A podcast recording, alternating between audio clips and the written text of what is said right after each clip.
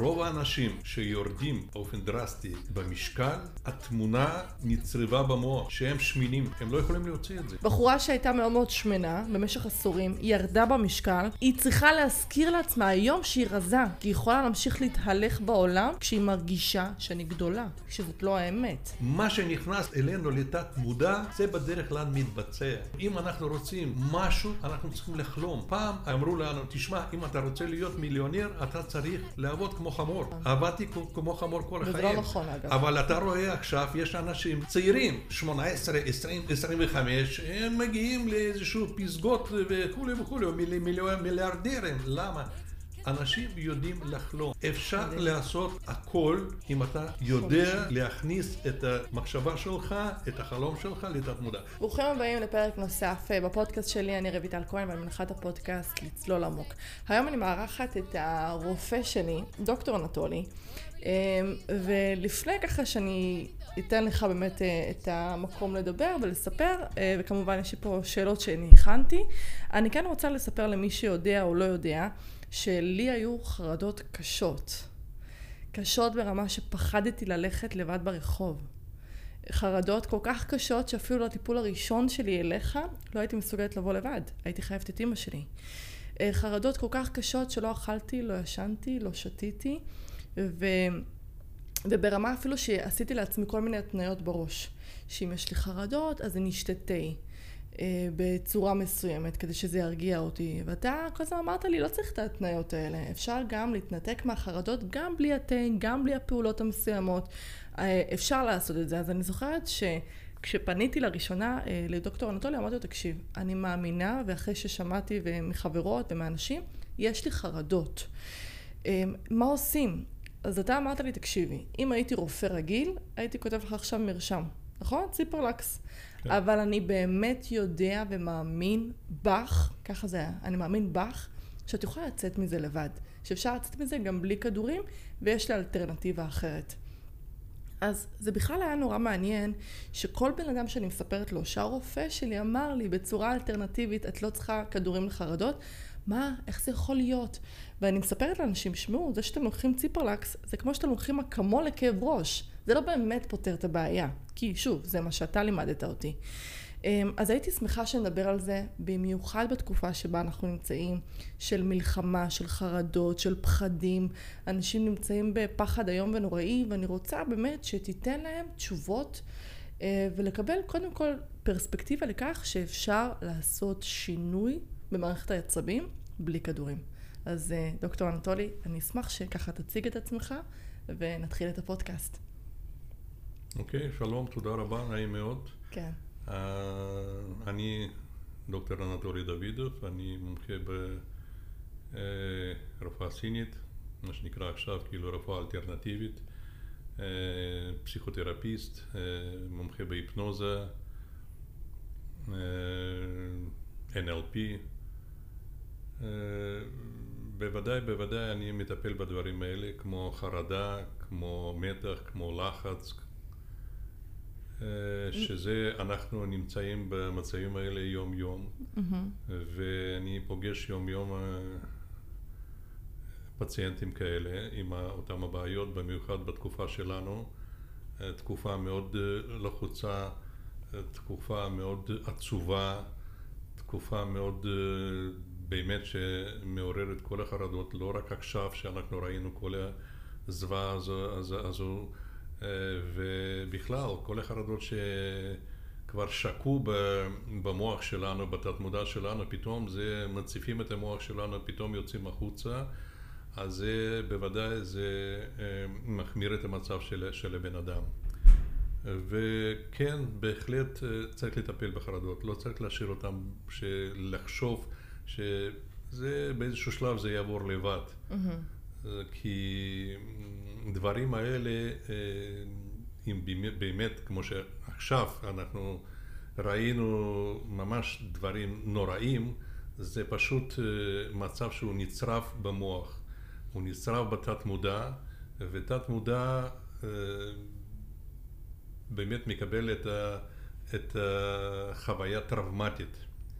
אה, לא משנה שבן אדם אה, חווה את החוויה, ולפעמים אנחנו גם מסתכלים בטלוויזיה, שתדעו, זה גם מאוד מאוד דומה, וזה גם יכול לעשות אחרי כל הדברים מה שאנחנו רואים, גם שיכול לגרום ל, ל, ל, למצב פוסט-טראומטי.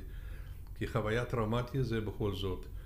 מספיק שאנחנו מסתכלים על זה, ותלוי איך המוח או איך התת מודע מאבד את זה. Mm-hmm. כי תת מודע יכול לאבד את זה בכל מיני צורות אחרות. למשל, אה, במצב של סטרס, סטרס אקיוטי. אה, מה זה אומר סטרס אקוטי? סטרס אקיוטי זה, אקיוטי זה מצב של מתח, לחץ, אה, מצב של בן אדם פתאום נתקל ב...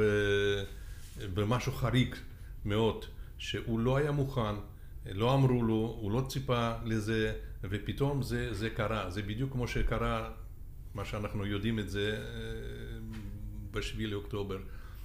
ואיך להגן על עצמך, איך לצאת מזה, איך לברוח, כי אנחנו יודעים שיש אצלנו במוח מנגנון מאוד ישן, אה, אה, ארכי ישן, כי בדרך כלל שאנחנו צריכים לדעת את זה, שאנחנו בסופו של דבר, אנחנו קיבלנו את הירושה מה, מהאדם הקדמון. Mm-hmm. כי אז החרדה ומתח ולחץ, וזה היה כאילו לטובתו. זה, זה הציל אותו מה, מהמוות, אה, היו מאוד גורמים מסוכנים מסביבו, אז הוא היה צריך להיות כל הזמן בלחץ ולהיות כל הזמן כאילו מוכן לדברים כאילו, האלה. כאילו היצר ההישרדותי, הוא מגיע אלינו משם, האדם הקדמון. בדיוק, נכון. ואני קורא לזה כאילו אה, אה, רפטיליה או דינוזאור, שזה נשאר אצלנו. זה בנפש שלנו, זה בתת מודע שלנו. אנחנו לא יכולים לברוח מזה. כן. ובגלל זה גם מוח שלנו, הוא מגן עלינו קודם כל בצורה כזו. שלושה דברים, בן אדם או הוא בורח, mm-hmm. או הוא נלחם, או הוא כופה. כן. יש לי שאלה, לפני שאנחנו ממשיכים. כן. אני רוצה לשאול אותך. אה, לפני כמה אה, שבועות, כי ברוך השם כבר הרבה זמן אין אה, אצלנו אזעקות, הילדה שלי שמעה אזעקה והתחילה לרוץ לאזעקה. אז עכשיו אני פחדתי שהיא תיפול, בסוף היא נפלה. אבל רגע לפני שהתחלתי לצעוק לה לעצור, אמרתי, רגע, אם אני אגיד לה לעצור, אני בעצם ילמד את תת המודע שלה לעצור ברגעי לחץ. והדבר הטבעי לעשות זה בעצם להמשיך לרוץ. נגיד אם אתה כבר רץ, אם אתה כבר פועל, ואתה נמצא במצב אה, טראומטי, לא להפסיק לרוץ, אלא אה, לא, לא לעצור, אלא להמשיך לרוץ. כי אני גם חשבתי על זה שבאסון הגדול הזה במסיבה, היו שם נערים ונערות, נשים וגברים, שהם פשוט קפאו, הם לא יכלו לזוז. ואני חושבת שזה בגלל אותם מצבים בילדות או בחיים, שהחיים אמרו להם תעצרו, אתה במצב לחץ לעצור.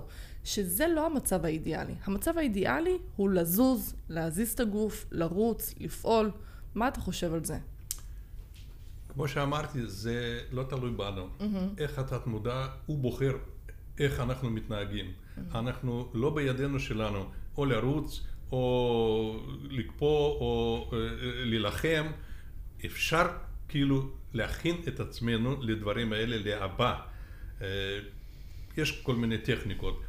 אבל במצב הזה את עשית באמת נכון, mm-hmm. שלא עצרת, לא עצרת אותה, שזה... היא רצה, המנגנון שלה, כאילו, כאילו המנגנון עליה, טוב, המנגנון טוב, לא, לא, לא להפריע למנגנון. דווקא, דווקא פה הוא, הוא, הוא, הוא היה באמת, באמת אה, לטובתה, זה מנגנון טוב, לא צריך לעצור אותה. חוץ מזה, אם אנחנו קצת נסתכל ברפואה אה, קונבנציונלי, אני גם רופא משפחה. נכון. אז uh, בזמן הזה, בזמן הסטרס, מתח, לחץ וכל מיני דברים האלה, הגוף מייצר המון המון המון הורמונים, כמו אדרנלין. והאדרנלין הוא, הוא לא מתפרק לבד, הוא מתפרק בדיוק רק בתנועה. ואם בן אדם בדיוק הוא בורח, הוא רץ, הוא משהו, אז הוא מתפרק. כי האדרנלין זה מה שגורם לחרדה, ללחץ, למתח. אז אנחנו מפרקים אותו בדיוק בריצה, בתנועות, ויש גם כל מיני טכניקות שמכוונים לזה, וזה מצוין. אפשר גם פשוט לקום, לעשות תנועות, קצת ללכת, להסתובב, אה, לעשות משהו עם הידיים, לשבת, לקום, זה כבר ייתן אה, איזושהי תוצאה טובה, ייתן הקלה לבן אדם. אה, ויש עוד טכניקות מסוימות, כאילו לעזור לעצמך.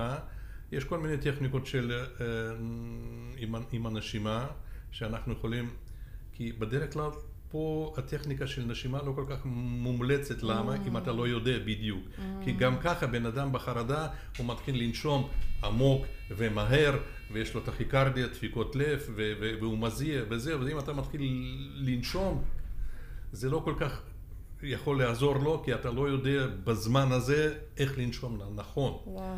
לפעמים צריך להתמוקד בדיוק בנשימה, שאתה נושם את האוויר באיטיות, ואתה מוציא את האוויר.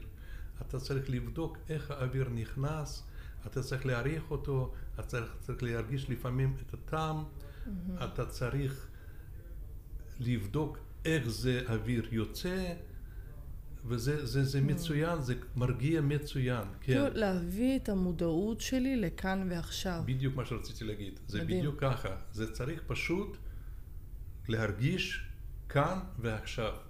וגם יש טכניקה שאני ממליץ, ואני מאוד מאוד גם ממליץ למטופלים שלי, בזמנים האלה סטרס ו- ומתח וחרדה ולחץ, פשוט לחבק את עצמך. וואו. כי חיבוק אנחנו מכירים מילדותנו. נכון. חיבוק של אימא, חיבוק של הקרובים שלנו, זה לא משנה איזה חיבוק. אז אין לנו פה לידינו מישהו קרוב שאוהב אותנו, זהו, אבל יש לנו את הזיכרון, שהוא זוכר את זה, מישהו חיבק אותנו, ו- ואיך זה היה, ואיזה כיף היה לנו, איזה נוח היה לנו, איזה רוגע הייתה לנו שאנחנו הרגשנו. זה בדרך כלל ככה, כשאתה מחבק את עצמך, בדיוק אתה צריך להרגיש את הטקטיליות, זאת אומרת, איך המישוש וואו. זה בדיוק כאן ועכשיו, כן? והמישוש הזה מחזיר אותי לכאן ועכשיו. מחזיר אותך בדיוק כאן מדהים. ועכשיו, כן. אתה לא בורח לאיזשהו מחשבות שלך שליליות, כן. וזה גם מרגיע אותך, זה גם נותן, את, אתה גם יכול להרגיש את הטמפרטורה של הגוף שלך, הטמפרטורה של הידיים שלך, אה, אתה גם יכול להסתכל, כן. וירטואלי, ולהיזכר בתמונה שפעם מישהו חיבק אותך. וואו. אז זה כבר נותן לך ככה אה, צורה, באמת אה, שאתה נמצא בידיים טובות, שאתה נמצא ברוגע, זה מרגיע אותך, שלווה, נותן לך קצת כוח, קצת ביטחון עצמי, וזה באמת עוזר לך. ולפעמים מספיק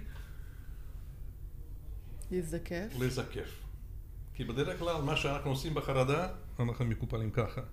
מספיק לזקף ככה, להרגיש את הכתפיים שלך, טיפה לנשום.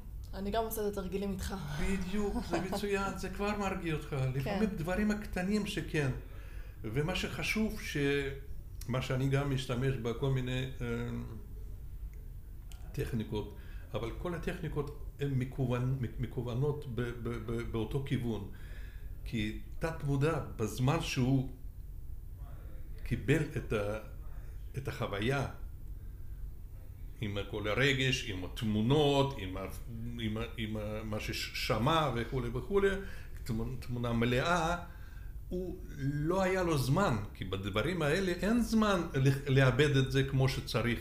כן. כמו שצריך, למשל, סתם לדוגמה, אתה לוקח את זה ואתה מקפל, ואתה מאבד, ואתה עושה כמו שצריך, ואתה שם לאיזשהו... אה, מחסן. מחסן בתת מודע, נכון, באיזושהי מגירה בתת מודע, כן. ואם לא שם את זה במחסן? סליחה, אין לו זמן לזה, אין לו זמן לזה, אין לו גם משאבים בזמן הזה. אז מה שהוא עושה, הוא חייב לאבד.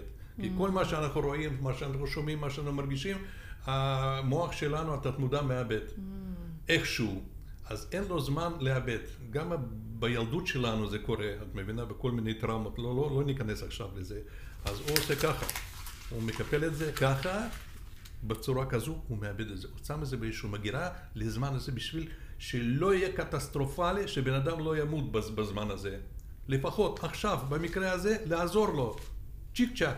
עושה את זה, וככה זה גם קצת מרגיע בן אדם, אבל זה לא נשאר ככה.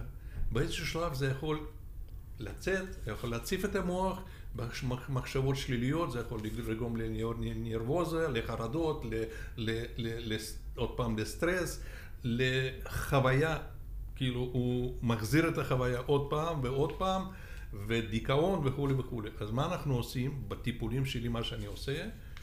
אני עושה גם בהיפנוזה, אמרתי לך, כן, תוך כדי היפנוזה או תוך כדי טיפולים אחרים.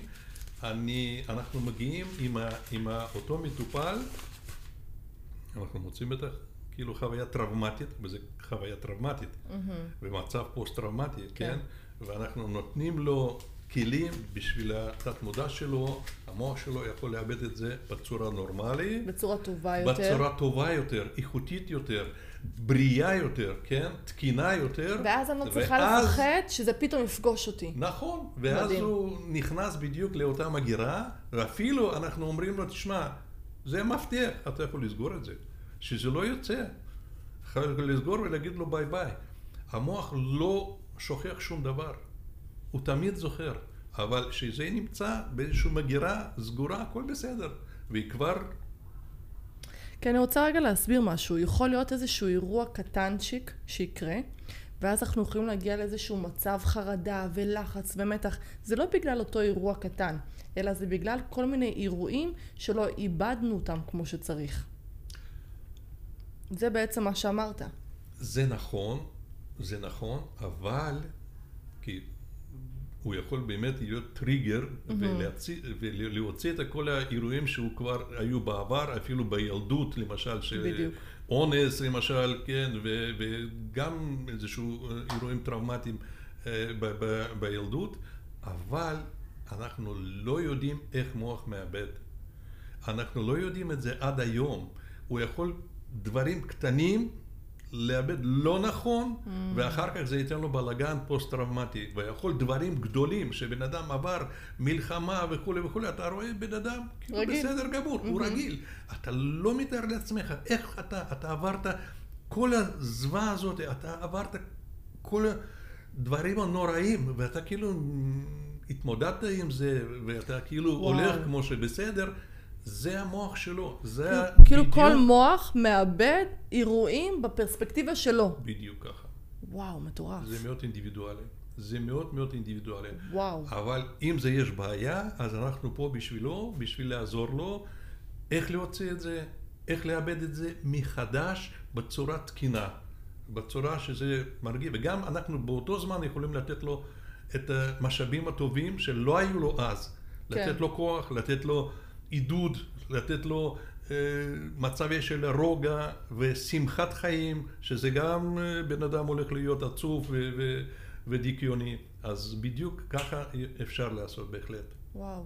ואיך באמת הרפואה הסינית נכנסת פה לתמונה? כי אני כשהייתי מטופלת אצלך בלי כדורים, הרי טיפלנו בנושא הזה של החרדות והפחדים בצורה טבעית, בצורה אלטרנטיבית ליתר דיוק, אה, היית שם לי מחטים. לפעמים היה סשנים של שני מחטים, לפעמים סשנים של 12 מחטים. מה המשמעות של המחטים האלה באמת? אני לא יודעת להסביר עד היום אה, את הזרימה האנרגטית שהייתה לי בגוף ואת החום שהיה לי סביב המחט הכל כך קטנה הזאת. אה, ובכלל גם חשוב לי לציין שאתה שיתפת אותי שיש הרבה אנשים שעושים דיקור סיני אבל זה מסוכן אם הם לא רופאים. כי לרופא יש ידע שלם עבור כל מקום ומקום שבו הוא מניח מחט. כי הרבה פעמים אה, אנשים שהם לא רופאים הם יכולים להניח את המחט במקום שיכול להיות אפילו סכנת אה, נפשות נכון? סכנה בריאותית ליתר דיוק זה גם סכנת נפשות, כי זה יש נקודות מסוימות שגם יכולים לגרום ל, ל, למצב של אה, פתאום אה, ירידה של לחץ דם, אה, פתאום ירידה של דופק, אפילו עד המוות זה יכול להיות, אני לא, יכול, לא רוצה להפחיד, כן. אבל אני יכול, אני יכול להגיד, כמו שסכין ב, בידיים הן לא נכונות, הוא יכול לגרום לדברים לא נוראים, אבל בידיים של הכירורג, שהוא מכיר את הגוף, הוא יודע את האנטומיה, הוא יודע את הפעולה שלו, אז זה הוא מציל את החיים של בן אדם. כן. גם מחט סך הכל זה כלי. כן. בסופו של דבר זה כלי. זה תלוי באיזה ידיים הוא נמצא. כי לפעמים באים אליי אנשים ואומרים, תשמע דוקטור, אני כבר עשיתי מחטים, אבל זה לא עזר. אז אני שואל אותו, למה אתה באת אליי? כן. לא, שמעתי עליך, אנחנו יודעים שאתה בסדר, שקראתי עליך, אז אני רוצה שאתה תעשה לי, ובאמת הוא... הוא, הוא יוצא מרוצה ברוב המקרים, אז אני מסביר לו שזה עוד פעם, שזה לא מחט עושה, מה שאתה עשית מחטים זה לא מספיק, צריך להיות, כמו שאתה הולך לאיזשהו מומחה, פרופסור, אז צריך להיות בדיוק בן אדם שהוא בדיוק מכיר את הדברים האלה, וחוץ מזה, כמו שציינת את זה, זה חשוב שאם המדקר, אה, הוא, הוא, הוא, הוא גם רופא, כן. הוא גם רופא קונבנציונלי. זה גם כן ידע שלו יותר עמוקה, יותר... אה, בכללית הוא יודע הרבה הרבה דברים. חוץ משהרפואה האלטרנטיבית, בוא נגיד, שמבוססת על המבט של רפואת מזרח, שכשאנחנו מדברים יש חמישה אלמנטים, לא, לא ניכנס עכשיו לדברים האלה, יש אנרגיות, אנרגיה חיובית, אנרגיה שלילית, יש יאנג, יאנג ואינק, נכון. אה, יש כל מיני דברים האלה, אבל בגדול מה שרפואה אה, מזרח היא מסתכלת על הבן אדם בשלימות. כיחידה אחת, וזה חשוב מאוד, זה מה שמבדיל בין רפואה של מזרח ומערב, כי ברפואה מערב הוא של מערב, זאת אומרת הרפואה יותר כאילו מתמוקדת לאיזשהו איבר מסוים, מערכת מסוימת וזהו, וככה מתחילה אה, אה, לטפל בזה. ברפואת המזרח, סתם לדוגמה, אני אתן לך אה, איזושהי דוגמה קטנה. אם לבן אדם כואב שן. סתם, לא מתים מזה, לא שום דבר, אבל לא יכול, הוא לא יכול לישון, הוא לא יכול לאכול, הוא לא יכול להיות שמח, הוא לא יכול להיות שום דבר, את מבינה? מרוכז. זה מפריע, הוא לא יכול ליש... כן, מרוכז, כלום, כלום, כלום, כלום, כלום. אין איכות חיים. אין איכות חיים בכלל. מה זה שטום? שום דבר, כלום. שם סך הכל. נכון. אבל זה בדיוק מוציא אותו, כי זה משפיע, דבר אחד משפיע על כל המערכות של הגוף. זה, נכון. על זה אנחנו מדברים. ומה שעשינו, את אומרת שני מחטים, שלוש מחטים, אני אומר, אני משתדל לא לעשות מבן אדם קיפוד, כן, כי יש, באים אליי אנשים ואומרים, דוקטור, תשמע, הייתי בתל אביב איזה מישהו רופא, הוא שם לי 40 מחטים. אני אומר, זה לא תלוי ב... בכמות של המחטים. זה, זה איכות. תלוי, זה איכות, בדיוק ככה. יש מחטים שאתה שם, זה נקרא בצומת, כאילו, כן? שהם יכולים להשפיע לכל מיני אה, כיוונים ולעשות מעגל אנרגטי בכל הגוף. וואו. ומה שאומרת רפואה, אה, רפואת מזרח, שבן אדם צריך להיות מאוזן אנרגטי. יש ערוצים אנרגטיים, יש צ'קרות, לא ניכנס אולי פעם הבאה, אבל צריך להיות איזון בין אנרגיות. בין כן. ה... אני בכלל עד היום מתפעלת איך מחט כזאת, זה היא דקה, היא דקה, היא כל כך קטנה, הקפיצה לי את כל הגוף, כאילו ממש הרגשתי חשמל בכל הגוף, ואני כזה, אה, מה, שמת לי שם? אמרת לי, לנשום, זה רק מחט, זה מטורף ההשפעה המדהימה שיש למחט כזאת קטנה על הגוף. טוב, אז אה, אני כבר, אני כבר נכנס לזה. אי אפשר לברוח מזה. בגופנו יש יותר מ-750 אה, נקודות חשובות. כי כל נקודה היא משמשת כמו שיש לנו in הכפתור שאת לוחצת עליו ונדלקת מנורה. כן. זה ככה, זה חיצוני. אה, והיא קשורה עם איזושהי מערכת. דרך הערוץ, מה שנקרא ערוץ אנרגטי, או מרידיאנים. זה לפני שלושת אלפים שנה, זאת אומרת הסינים הם, הם גילו את זה, גילו את זה פרקטי, לאט לאט לאט לאט עד שהם בנו את כל המערכת, אבל עכשיו אנחנו פשוט משתמשים בזה, וזה באמת, אה, אחרי שעשינו כל מיני מחקרים, זה באמת ככה, זה באמת, יש מצב שזה נקרא אנרגיה, זה באמת עובד טוב, אז אני פשוט שולח את האימפולס אנרגטי דרך המרידיאן, דרך הערוץ לאותה מערכת. יש מרידיאן של הלב, מרידיאן של הכליות, מרידיאן של הלבלב, אה, ואני יכול לשלוח, אני לא כירורג, אני לא פותח, אבל אני שם את המחט ואני... נותן למחט לעבוד. נותן למחט לעבוד. אני שולח את האימפולס אנרגטי, את הזרם אנרגטי, ואני רוצה להגיד לך שאם בן אדם מרגיש פתאום כי זה קצת חמימות נעימה, או מרגיש כמו זרם, זה לא אומר שזה פגענו באיזשהו עצב, ממש לא. זה תגובה של הנקודה האנרגטית, וזה אומר וואו. שזה מצוין, שזה טוב, שזה עובד, וזה מה שבסופו של דבר אה, נותן את האיזון האנרגטי. וסינים אומרים שאם אתה מאוזן אנרגטי, אתה בריא. נכון. אז זה אנחנו כאילו רצינו את הכיוון ולמה שהגענו. איזה מדהים. אז בעצם המחטים עוזרים להרגיע את מערכת העצבים. עוזרים או מטפלים? כאילו, האם זה רק, רק כמו כזה אה, סוג של פלסטר, או שזה טיפול מהשורש? בהחלט זה טיפול מהשורש, mm-hmm. זה לא טיפול פלסטר, כי איזון זה לא שאתה עושה את הפעולה ואתה מאזן. זה בדרך כלל בין, בין 10 ל-12 טיפולים, זה כאילו... תהליך. מצטבר, כן, טיפול ועוד טיפול ועוד טיפול, ולפני שאני אה, מתחיל את הטיפול אני עושה מין אה, תוכנית, תוכנית אינדיבידואלית לכל אה, פציינט שאני מטפל בו. לכל פציינט אני, לפי, לפני שאני בודק אותו, בודק אותו גם מבחינה קונבנציונלית mm-hmm. וגם מבחינה אלטרנטיבית. כן. אז אני, כשאני מגיע להבחנה, אז אני עושה את, את התוכנית, איך אני אטפל בו, איזה נקודות אני, אני, אני צריך להפעיל. בטיפול הזה ובטיפול הזה, וכל הנקודות האלה, כן, בסופו של דבר זה בדיוק נותן לנו את התשובה ואת התוצאה הסופית הנכונה וטובה. וחוץ מזה רציתי להגיד שלפעמים האנשים מרגישים מיד, mm-hmm. אבל לפעמים, וברוב המקרים, לא מיד. אחרי מספר טיפולים, אפילו אני נותן עוד שבועיים אחרי שאני מסיים את הסדרה, mm-hmm. אני אומר לו, תבוא אליי, אל, אל תגיד איך אתה מרגיש עכשיו. אחרי שבועיים, כי עדיין התהליך שאנחנו הפעלנו אותו, זה עובד, זה, זה מאזן, זה עושה מה שאנחנו צריכים, וזה לא רק מאזן כאילו, כן? זה גם מוריד חרדות, זה גם מוריד כאבים, דרך אגב, זה, זה טיפול מאוד מאוד חזק וטוב גם נגד כאבים.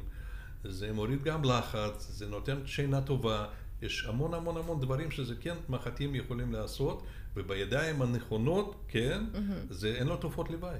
וואו. אין לו תופעות לוואי, אין לו סיבוכים, אין לו שום דבר. זה בסדר גמור, וזה גם לא חומר כימי, שכמו שאנחנו דיברנו, שכדורים שאתה מכניס לגוף, וזה בן אדם כאילו צריך לקחת את זה כל הזמן. למשל, נכון. כמו שאותה אמ, תרופה של ציפרלקס, למשל, שהיא כי אנשים ממש כותבים לי, רויטל, מה הבעיה תחת ציפרלקס? מה שהיא עושה, היא, היא, היא עוזרת למוח לייצר סירוטונין. Mm-hmm. סירוטונין זה הורמון של שמחה. כן. את מבינה? של רוגע, שלווה, זאת אומרת, זה גוף שכאילו, יש לו איזשהו, הוא נתקע. הוא נתקע והפסיק לייצר את זה בצורה נכונה. אז זה כאילו מבחוץ אנחנו מפעילים אותו כל הזמן, אבל ברגע שאתה מוריד את, את התרופה, ברוב המקרים זה יכול לחזור. כן, אתה יודע מה אני חושבת? סליחה שאני קוטעת אותך. שאוקיי, הציפרלקס אה, עוזר לי להורמון של שמחה, כן? אבל הוא לא מנתק אותי מהורמון הלחץ. אז בעצם אני ממשיכה להרגיש את הלחץ בתוספת של שמחה. זה, אולי אני טועה, אבל זה ממה שאני ככה הצלחתי להבין. זה לא קצת עושה בלבול? זה בעצם לא פותר את הבעיה. תלוי. תלוי, תלוי במצב, mm-hmm. תלוי במצב. ברוב המקרים זה יכול לעזור, mm-hmm. אבל ברוב המקרים גם הוא, זה תמיכה, את מבינה? הוא לא לפעמים פותר את הבעיה, כי כמו שהסברתי זה, הוא לא נותן למוח לאבד מחדש את החוויה הטראומטית שבן אדם חווה. כן. אז פה צריך להוסיף כמה דברים, גם פסיכותרפיה, שזה באמת טיפול מילולית, כי אנחנו יודעים שזה אה, פסיכוס זה, זה, זה, זה נפש ותרפיה זה, זה טיפול, זה טיפול אה, על ידי אה, מילים שלנו, זה טיפול מילולי, ושזה גם יש כל מיני סוגים של פסיכותרפיה, שזה גם מרגיע, וזה עוזר, וזה נותן לו כוח וכולי וכולי, וזה, וגם של ההיפנוזה, שאני גם מתעסק בהיפנוזה. כן, אני אשמח שנדבר רגע על ההיפנוזה. אני, אם אני לא טועה, כמובן, אני משתדלת מאוד לשים לב מה אני אומרת, אבל ממה שאני יודעת או זוכרת, שההיפנוזה היא אסורה בישראל. או שמי שיכול להתעסק בהיפנוזה זה רק רופא אה, אה, שהוא, שהוא סיים באמת אה, לימודי רפואה בצורה מדויקת. אז מה נכון, מה לא נכון, בוא תעשה לנו סדר בדבר הזה. מה זה בכלל היפנוזה, ומי יכול לעשות את זה? היפנוזה זה תהליך מסוים. Mm-hmm. אני קצת, עוד פעם אני רוצה קצת להיכנס להיסטוריה, זאת אומרת שאנחנו מכירים היפנוזה המון המון המון זמן, מבריאת העולם בוא נגיד, כן? מסיפורי הבריאה, בכלל ההיפנוזה מהפנט הראשון היה אה, קדוש ברוך הוא, ש... שהוא כאילו הפנט את הבן אדם, את האדם, הוא הרדים אותו, והוציא ממנו צלע, ועשה ממנה אישה. וואו, אז מדהים. פרספקטיבה כן, מיוחדת. ה- כן, אז זה... התורה שלנו מדהימה. אומרים שזה גם בספרים אומרים, זה השם כאילו רופא חולים, זה לא נכון. סתם, את יודעת, זהו, זה... אז בהחלט אנחנו מכירים את הסיפור, וכן, על ידי המילה, כאילו הפנט והרדים והוציא את ה- זהו, אז אדם לא הרגיש שום דבר. זה קצת היסטוריה ככה, אבל בהחלט אנחנו אה, נמצאים במצבי היפנוזה יום-יום. אפילו כמה פעמים ביום אנחנו נמצאים במצבי של היפנוזה. אה, קודם כל אני רוצה להגיד מה זה היפנוזה בכלל. כן, איך אני מגדיר את ההיפנוזה? היפנוזה זה תהליך שמייצר את הקשר בין מודע ולא מודע. כי מודע אנחנו כולנו מכירים, אבל לא מודע אנחנו לא כל כך מכירים. אנחנו שמענו, אבל לא יודעים בדיוק מה זה. מה זה לא מודע, ומה הוא עושה בכלל. ויש אנשים שחיים כל החיים, הם ממש לא מתקרבים ללא מודע, וזה חבל מאוד. כי לא מודע זה מה שעושה אותנו ככה כמו שאנחנו עכשיו. כן. למה אנחנו מסתכלים במראה? מה את? חושבת? למה? אני אגיד לך למה. אנחנו מסתכלים במראה, בדיוק, אנשים רוצים להיראות יפה וזה בסדר והכל טוב וזה, אבל חוץ מזה הם רוצים להזכיר ללא מודע או לתת מודע איך אנחנו נראים. זה, אתה יודע, זה קטע, כי הרבה פעמים אני מסתכלת על עצמי במראה ואני אומרת, טוב שלפעמים אני מסתכלת ואני יודעת מי אני. כי, בדיוק ככה. כי, אני, כי, אני, כי לפעמים אני יכולה לשכוח שאני קיימת, כי אני רואה את כולם מסביבי, אני הרי לא רואה את עצמי. אז לפעמים אני מרגישה צורך להסתכל במראה וכזה, רויטל, זאת את. אז זה מדהים שאתה מדבר על זה זה. בהחלט נכון, זה בהחלט נכון. כי לפעמים אנשים שבבית כלא, בוא נגיד, אין שם מראה וכל הדברים האלה, הם שוכחים איך הם נראים בכלל. וזה ממש בלאגן, אחר כך עושים, אחר כך יוצאים, לא יכולים להתאפס, את יודעת, לא יכולים ככה... להתקרקע. בדיוק ככה, לא, לא יכולים אה, אה, להיזכר המון המון כי המון מה המון דברים. ההשלכות? מה ההשלכות אם אני שוכח איך אני נראה? תת מודע או לא מודע, הוא תפס איך את נראית עכשיו. כן. ואם שנה, שנתיים, שלוש, כן, את כאילו לא מסתכלת במראה ולא יודעת, ומישהו, אף אחד לא אמר לך איך, איך את נראית וכולי וכולי, את כאילו יכולה לבסס, כן, על אותה תמונה שתת תת מודע אה, תפס את זה אז, עכשיו. אולי זה טוב מצד אחד, אבל זה לא רק תמונה חיצוני, את מבינה? כן. זה, זה תמונה כללית. כן. כן? אז בגלל זה חשוב לנו, חשוב לנו. אבל דווקא פה אני יכול להגיד לך, למשל שאני מטפל, סליחה שאני קוטעת אותך. אני רגע מנסה לתת איזושהי דוגמה שאולי אנשים אה, יבינו. זה כמו שלדוגמה אני בחורה שמנה במשך בדיוק. עשורים. עשורים. ירדתי מלא במשקל. ירדתי מלא במשקל. אני רזה. קולטת את המחשבה שלי שאני רציתי בדיוק לספר אה, על זה. אני צריכה להיות רופאה, אני צריכה להיות תאמיני רופאה. לי, בחורה שהייתה מאוד מאוד שמנה במשך עשורים, ירדה במשקל, היא צריכה להזכיר לעצמה היום שהיא רזה, היא יכולה להמשיך להתהלך בעולם כשהיא מרגישה שאני גדולה, שזאת לא האמת, כן? בדיוק מה שרציתי להגיד, שבדיוק רוב האנשים שיורדים באופן דרסטי אה, במשקל, התמונה נצרבה במוח, שהם שמינים. כן. הם לא יכולים להוציא את זה. אפילו אני אומר לו, תשמע, אתה כבר רזה, והוא מסתכל בטלוויזיה, הוא מסתכל במראה, הוא מסתכל בתמונות של עכשיו. פה הוא שמן. וואו. וזו בעיה גדולה, גדולה, גדולה מאוד. וגם יש דבר הפוך, שאני מטפל באנשים, אני אומר להם, תשמע, אתה שמן, זה בסדר, טוב, והכל בסדר גמור, אבל אתה יכול לעשות כמו וידאו שופ, כמו תמונה.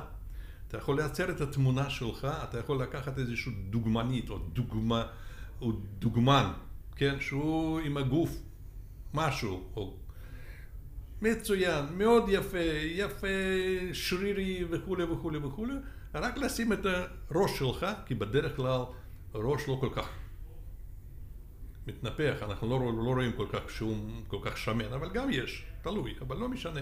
ראש שלך, אפילו מהתמונה שלך מהילדות, mm-hmm. מהתמונה שלך שהיית צעיר, מהתמונה שלך שעוד לא היית ממש שמן כמו שאתה עכשיו. כן. אז אתה יכול לעשות את הפוטושופ, לעשות את זה תמונה גדולה, ולשים את זה במקומות הבית שלך, איפה שאתה נפגש הרבה, הרבה פעמים. למשל, במטבח, ליד, ליד השירותים, בחדר שלך, אתה בא ותוריד את המראות בבית. כן. אל תסתכל במראות בבית, אתה רק מסתכל בתמונה הזאת. ש, ש, ואתה רואה, ומוח שלך, הוא לוקח את התמונה ונכנס את זה, מכניס את זה בדיוק לתת מודע, והוא משנה את התמונה שמה שאתה שמן, הוא משנה אותה שאתה בסדר גמור ואתה רזה, ומה קורה? בן אדם מתחיל לזאת. וואו. בלי שום תרופה, בלי ניתוח, בלי שום דבר, הוא מתחיל להרזות טבעי. תמונת הניצחון שלו. יפה, בדיוק ככה, עד שהוא מגיע לככה. וזה בהחלט עובד. איזה מדהים. כן. איזה מדהים. אז למה, למה בכלל היפנוזה אסורה בישראל? עכשיו, לגבי היפנוזה, אמרנו שהיפנוזה באמת, אנחנו, המצב שאנחנו נמצאים בו כל יום, למשל סתם בן אדם שהוא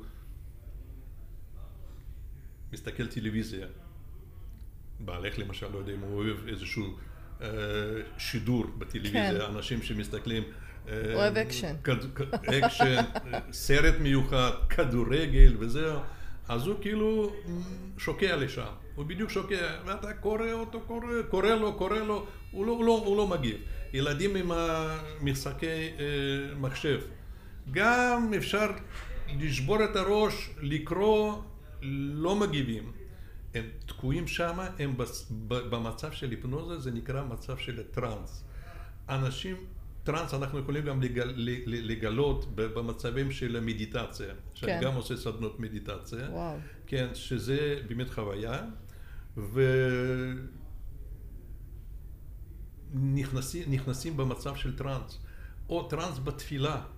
נכון. אנשים בתפילה הוא מרוכז, הוא עם הערוץ האנרגטי שלו, הוא שמה, הוא לא פה, הוא מבקש מ, מ, מבורא עולם כל מיני דברים, וזה בסדר גמור, כן, הוא, הוא שמה. Mm-hmm. אז טראנס זה דבר חשוב, זה המרכיב הכי חשוב בהיפנוזה. בדיוק זה הקשר בין מודע ותת מודע, ולא מודע. אז אה, את נוסעת הביתה. Mm-hmm. פתאום שקעת באיזושהי מחשבה.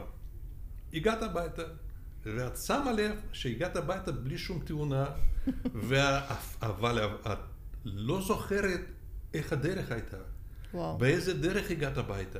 את לא זוכרת תמרורים, את לא זוכרת שום דבר איך הגעת, אבל הגעת הביתה בשלום, הכל היה בסדר גמור.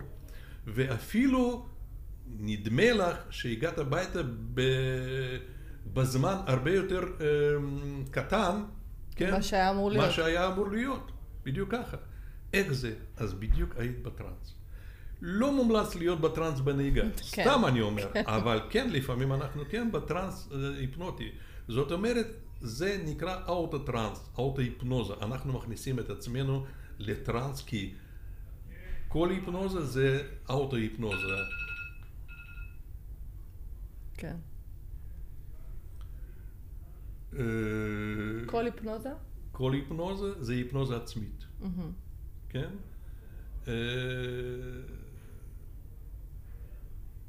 All hypnosis is self hypnosis. זאת אומרת, כל היפנוזה זה היפנוזה עצמית בסופו של דבר. אנחנו עוד מעט אנחנו נגיע לחוק היפנוזה, למה, למה, למה uh, ישנו, uh, הוא, הוא, למה הוא קיים בכלל. uh, עוד מצבי של היפנוזה, שאנחנו גם רואים ביום יום, שמשתמשים בטכ... משתמשים בטכניקות של היפנוזה. טכניקות היפנוזה זה טכניקה כאילו מבוססת על שלושה דברים. ראשון, למשוך תשומת לב. שני, למוקד לדבר מסוים. ושלישי, לתת סוגסטיה. סוגסטיה זה שכנועים. יכולים להיות חיוביים, שליליים, לא משנה, כן? אבל שלושה דברים. אז עוד דוגמה אחת של הפרסומת, כן? כן. בחורה הולכת, בחורה יפהפייה עם הבגד וכולי וכולי, ככה שאתה כבר תשומת לב, אתה כבר מסתכל בטלוויזיה, מה היא עושה, וזהו, ממהרת לעבודה, זהו. פתאום היא מסתכלת על היד, ועל היד שעון. זה ממוקדת את המבט שלך, ממוקדת את מה שאתה רואה, כן, ודבר שלישי, היא אומרת, ופתאום כל שעון שוויצרי הכי חדיש, הכי טוב, הכי מדויק וכולי וכולי. זה שכנועים, mm. זה סוגסטיה מה שנקרא, כן? אז זה עובד. זה מכניס אותך לאיזשהו טראנס, וזה משכנע את המוח שלך. לקנות את אולי, זה. בדיוק, אתה, אולי, אולי אתה תרצה גם לקנות את זה, כן? וואו, אז שיווק ו... זה בעצם כלי פסיכולוגי. בהחלט נכון, בהחלט נכון. אז גם השיווק זה כלי פסיכולוגי נכון. עכשיו, היפנוזה אנחנו משתמשים רק בצורך רפואי, כי היפנוזה בידורית אסורה בארץ. בגלל זה אה, ישראל, המדינה הראשונה בעולם, חוקקה את החוק היפנוזה בשנת 1984. שאין לנו היפנוזה בידורית, היפנוזה מיועדת רק לדבר כאילו מחקרי, מדע mm-hmm. מחקרית, או לצורך רפואי או צורך אה, אבחנתי. אה, יש עוד כל מיני דברים שזה מיוחדים גם כן, אבל במיוחד ככה, ובגלל זה היפנוזה לא אסורה. היפנוזה אסורה לבן אדם שלא מוסמך בהיפנוזה. וואו. זה דבר פלילי. אם בן אדם שהוא לא מוסמך בהיפנוזה, הוא עושה היפנוזה, וזה עושים דרך אגב. נכון, לצערנו. אני בטוחה. כן, אני מוסמך להיפנוזה, אני מוצא כן. להיפנוזה משנת אה, 2001. וואו. פה בישראל. כן. חוץ מזה שאני למדתי גם היפנוזה בחוץ לארץ, כן? וכבר באתי מוכן, אבל פה אומרים לא, לא, לא, לא, לא, דוקטור, אתה צריך ללמוד מחדש את ההיפנוזה, ולעשות את הבחינות כמו שעושים בחינות על ידי אה, אה, משרד הבריאות. אז עשיתי כל הבחינות, זה בהחלט, זה לא היה קל. אבל זה נכון, אני, זה גם היה בס... נכון. בשפה העברית או ברוסית? בעברית. בעברית, בעברית וואו. גם בעברית. שפה חדשה, גם מחדש את הלימודים. בהחלט, אתה צריך להיות להגיש גם כן אה, משהו מה, מהעבודות שלך, mm-hmm. להגיש את זה, ואחר כך גם כן אה, לדבר. מדהים. עם, כן. אז חוק היפנוזה, אה, זה אומר שבהיפנוזה יכולים להשתמש רק רופאים, mm-hmm. פסיכולוגים ורופאי שיניים. כן? רופא שלהם רק בתחום שלו. נגד כאבים וכל זה, הוא לא צריך, הוא לא, בוא נגיד, הוא יכול להשתמש בחרדה שזה... מהשיניים, בש... מהטיפול. בדיוק, נכון, ככה, זה ספציפי, כן? אה, רופא, תלוי באיזה תחום רופא, כן? כן? אז הוא כאילו, כן, כרופא כאב, כאילו רק נגד כאב, למשל, סתם בדוגמה, כן? ופסיכולוג הוא קצת אה, יותר מורחב, איך, איך, איך הוא עובד, באיזה צורות הוא עובד, כי לא כל ו- פסיכולוג... וככל הנראה פסיכולוג קליני, נכון, ולא פסיכולוג, פסיכולוג קליני, חינוכי או... נכון מאוד, פסיכולוג קליני, בהחלט, כן, נכון. אני, אני, אני סיפרתי פה לאחת אה, הבנות שעובדות אצלי בצוות, שלי היה תחביב לפני אה, משהו כמו שמונה שנים, שפשוט הייתי קוראת תארים. הייתי ממש ככה באמצע הלילה קוראת מה פסיכולוג קליני תפקידו, מה פסיכולוג חינוכי וכן הלאה, אז אני ככה פחות או יותר יודעת לסווג מקצוע וללימודים. וואו, דוקטור אנטולי, אני רוצה להגיד קודם כל תודה שבאת. בשמחה. היה לי פרק משמעותי, איכותי, המון ערך. אני ממש בטוחה שאנחנו נעשה פרק אה, נוסף ביחד, כי אני מרגישה שככה רק דגדגנו את אה, קצה הקרחון בנושאים שאפשר לדבר. בדיוק. תודה רבה לך. ואני כמובן מצרפת לכם כאן בסוף הפרק את כל הלינקים, את כל ה... אה, איך אפשר באמת ליצור קשר עם דוקטור אנטולי לגבי טיפול בחרדות, לטיפול בפחדים, רפואה אלטרנטיבית, וכל דבר שבאמת הוא יכול להציע לכם. אז אני אומרת לכם, אני ממליצה בחום, תודה רבה לך.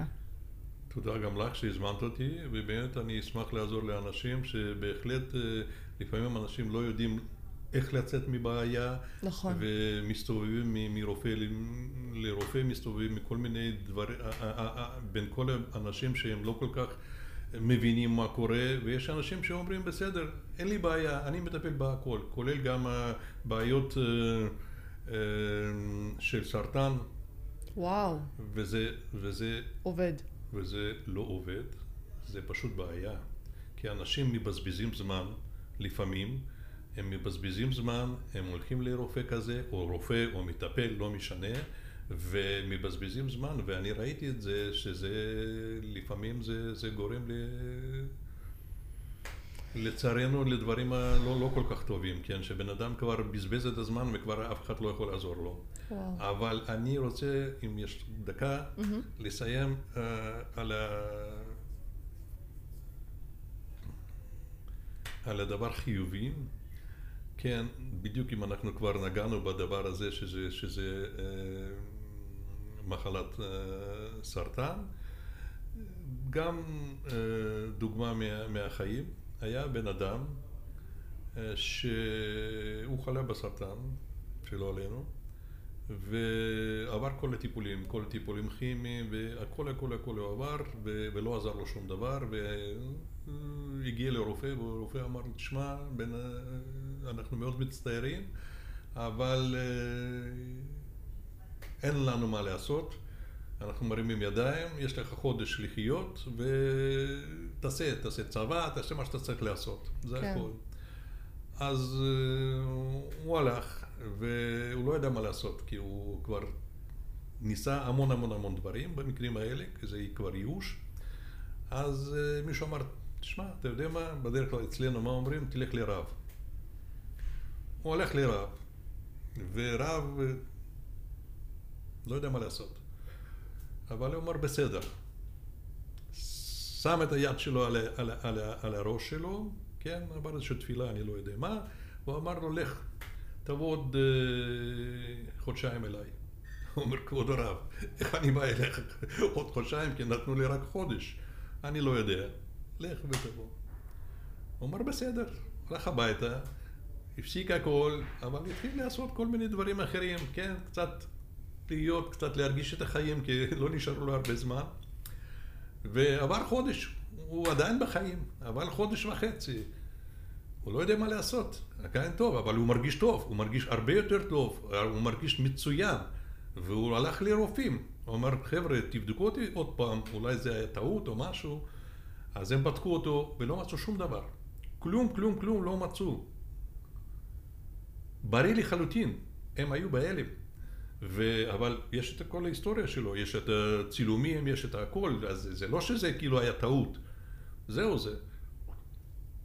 בסיכום,